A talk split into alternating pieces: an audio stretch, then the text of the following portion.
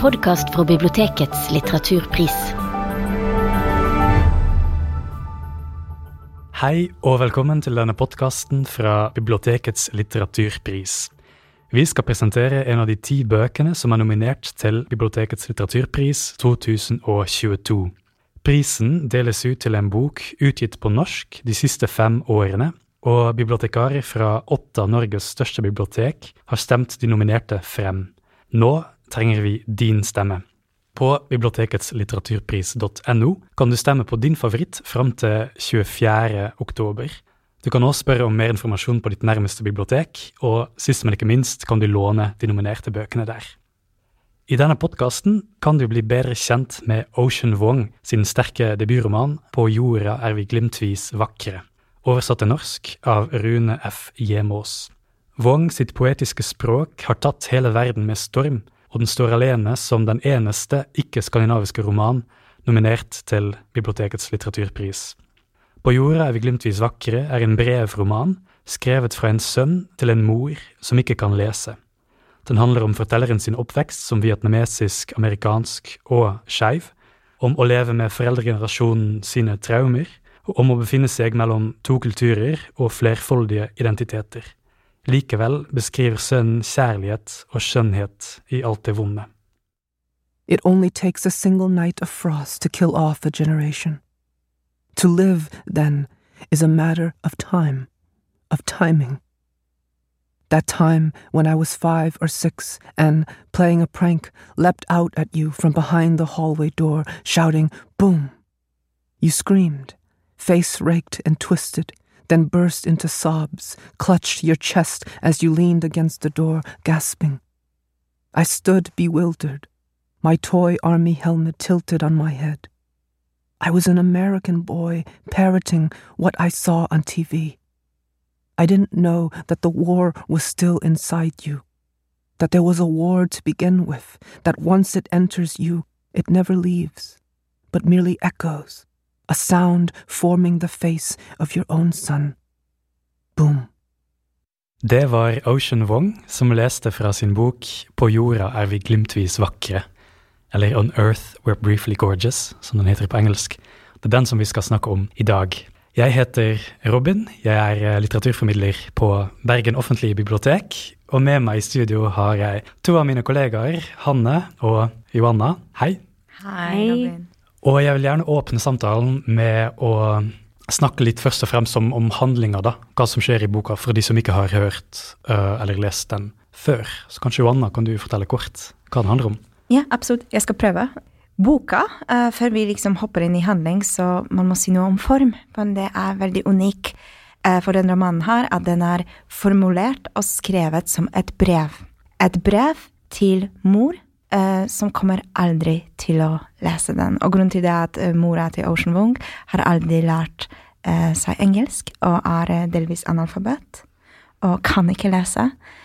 så han skrev en, den boka som en kjærlighetserklæring og brev dedikert til henne. I denne boken forteller han en, om sitt liv som innvandrer, andre generasjons innvandrer fra Vietnam, og en skeiv person i USA med innvandrerbakgrunn. Og han snakker, skriver om sitt liv og kjærlighet og traumer som er passert fra eh, Vietnamkrigen, opplevd av både hans mor og eh, bestemor. Så det er en roman som er ganske ambisiøst, på grunn av det er jo en personlig fortelling, men samtidig prøver han også å gi rom til miner og fortelling som handler om hans mor og bestemor, og hele det kollektive traumet av vietnam vietnamesiske innvandrere i USA, samtidig som hans liv som en skeiv person så det er storslått, ambisiøst uh, og vakker uh, poetisk roman. Mm. Hva med deg, Hanne? Hva tenker du er det mest slående ved boka når man første gang leser den? Det er jo tematikken, men jeg vil si likevel først og fremst språket, da. Og formen det er skrevet i. For det virker som brevformen er veldig frigjørende, fordi det krever at man er veldig ærlig, og det har det trekker fortellingen i veldig forskjellige retninger, fra barndomsberetninger og minner eh, til Eh, at han kan fortelle historien om krigen i Vietnam fra moren og bestemoren sitt perspektiv, med et sånn fritt flyt, da. Så det er mm, absolutt form og språk som gjør at den tematikken blir formidlet, da. Mm. Den spør på en måte Fordi den handler om mangel av språk, så blir det jo relevant på en annen måte. Mm. Og den spør kan språk være en bro, Mm. eh, men også kan det mislykkes? Hva er det vi ikke får sagt og ikke kommunisert? Og det er jo noe av det mest rørende med boken, da. At vi sitter jo med en følelse av at selv om vi som lesere får denne innsikten, så er det noe moren aldri får, og derfor kan dette forholdet kanskje ikke helt eh, De sårene kan ikke helt bli leget. Mm. Han snakker også mye om altså, Selv om altså, morsmålet vietnamesisk er den eneste lenken han har til mora, da, fordi hun ikke kan engelsk, så har han samtidig et veldig sånn, vanskelig forhold til det, det språket, da, vietnamesisk. Det er jo på en måte fremmed for han. Og så er det så tett knytta til den der fortida med krig og um, den flukten. Han skriver jo et sted Ma, to speak in our mother tongue is to speak only partially in Vietnamese, but entirely in war. Så at enhver kontakt med mora blir sånn veldig dobbelt og vanskelig, fordi det er som om hele fortiden klinger med i, i, i ordene, da. Absolutt. Ja. Og en av de veldig som scener i boka som gjorde en stort inntrykk på meg, var når de var hos slakter, og mora skulle kjøpe en oksetale, som det heter på norsk, tror jeg. Og hun hadde ikke språk i det hele tatt, så hun og bestemoren til Ocean, de prøvde å lage en slags teater hvor de, hvor de prøvde å vise han selv hver den tale og vise, liksom, prøve å vise hvordan ko ser ut, bare med kroppsspråk. Og selvfølgelig, det ble til en fullstendig katastrofe. og... Ena bare opp med å bli ledd av. Ja, og det som eh, Og Ocean var for liten for å kunne forklare på engelsk hva mora ville kjøpe, så han der og da sa at jeg, jeg kommer til å være ditt språk. Jeg kommer aldri til å Ja, du skal aldri finne deg igjen i den situasjonen. Jeg kommer til å være der for deg. Jeg kommer til å være dine ord. Og det tror jeg han gjør også i den boken her. Mm. Ja, og det er jo noe som, siden det er selvbiografisk, som vi vet eh, også har fulgt den etter publikasjonen av boken. For eksempel så har han fortalt at uh, moren var med på en poesilesning, som er noe Ocean One kanskje er mest kjent for før denne romanen, da. Han har også nettopp gitt ut en, uh, ny uh, diktsamling. Men der moren er med, da, og hører, um, hører Ocean lese, um, men hun sitter med ryggen til og ser på publikum, og så spør han på en måte hvorfor, hvorfor snur du ryggen til meg? Og hun sier men jeg vil se ansiktene deres, jeg vil se Jeg kan ikke forstå ordene, men jeg vil se inntrykket de gjør, og ser du, ser du det at de sitter med åpen munn når du snakker? Så det er på en måte en rød tråd i det som kommuniseres, men som ikke kommuniseres eh, med språk, da. Mm. Denne boka her handler jo også veldig mye om det vi var inne på, altså denne fortida, krig, altså bakgrunnen for Vietnam. Og også, tenker jeg, hvordan um, vold kan gå i arv fra generasjon til generasjon. sant? Mm. Hvordan, så dette forholdet mellom mor og barn er jo voldelig. Altså det, han beskriver jo hvordan hun slår ham, og, og også senere i livet i tenårene um, dukker vold opp igjen i møte med Trevor, hans første kjæreste. Uh, Det der seksuelle møtet de har. Så det tenkte jeg var en sånn interessant råd i boka. da.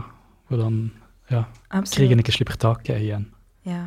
Jeg mener jeg har lest et sted at um, traumer kan leve opptil 300 år, eh, og så bli transformert gjennom gener. At traumer er noe som transporteres, og noe som kan spres videre. Og det er helt klart at uh, mora til Ocean i uh, Hun er også fremstilles som en høyt traumatisert person.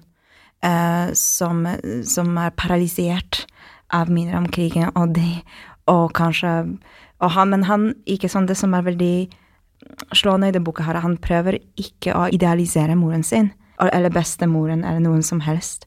Han prøver å kontekstualisere hennes traumer og gi oss som lesere større kontekst, slik at vi kan forstå henne som en kompleks menneske, ikke bare en som slår barna sine, eller som er voldelig, eller som er urettferdig.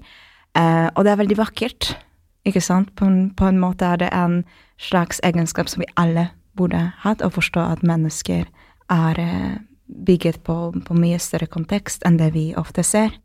Eh, men det er helt klart at de traumene som hun bærer på seg, blir transportert på ham gjennom vold og urettferdighet og eh, ja, mange andre hendelser. Men samtidig er det en stor kjærlighet. Stor, stor kjærlighet. Mm. Ja, man ser jo fortelleren sin kjærlighet og omsorg for moren i de små eksemplene, som eksempel når de er i en thrift store og hun ser på en kjole og spør kan du lese lappen her og si meg om den er brannsikker.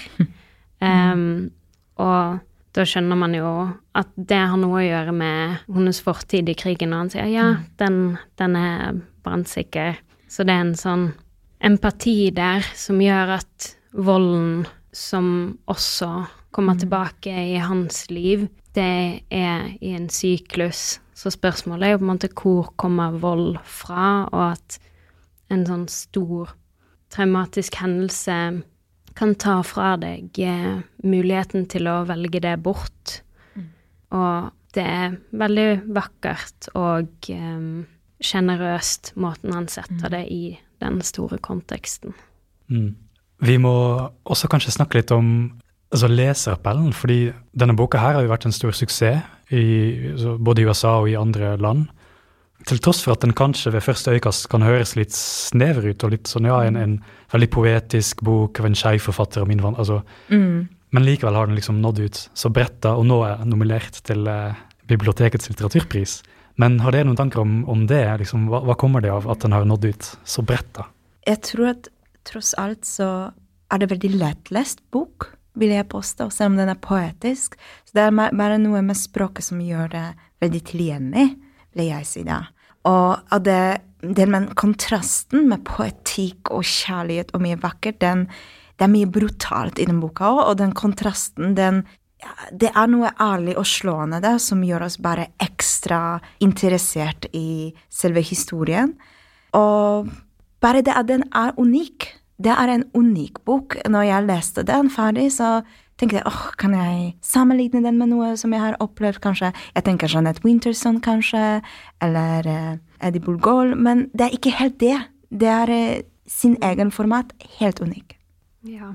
Jeg tenker at boken bare krever oppmerksomheten, og de fleste som har lest den, liker den veldig, veldig godt. Så jeg tror, jeg tror det er noe med at i det veldig spesifikke så er det en universell appell det er det vakre språket, men det er også det med at selv om um, man gjerne ikke har opplevd noe lignende, så handler det jo også om barrierene i relasjoner og mellom mennesker, og det tror jeg er veldig, veldig gjenkjennelig for mennesker, fordi man har en så grunnleggende, et grunnleggende ønske om å, å bli forstått. Mm. Mm. Så Men utrolig fin og øm, og det er også andre ting enn på en måte det tunge. Det er fellesskapet på en um, manikyr-neglesalong i Connecticut og å plukke ut grå hår fra bestemor sitt hode, og mange fine øyeblikk. Varm bok. Så kort oppsummert en god kandidat til prisen? Å oh, ja. Det tror jeg nok at Jeg tror vi alle har eh, liker den kjempegodt. For min del er det absolutt i en topp tre. Det er vel fortjent eh, plass på shortlisten. Og det som er eh, ekstra stas, er det eneste boka som er ikke av, skrevet av en skandinavisk. Mm. Så det forteller ganske mye. At siden den fikk plass i shortlisten, betyr at det var velfortjent.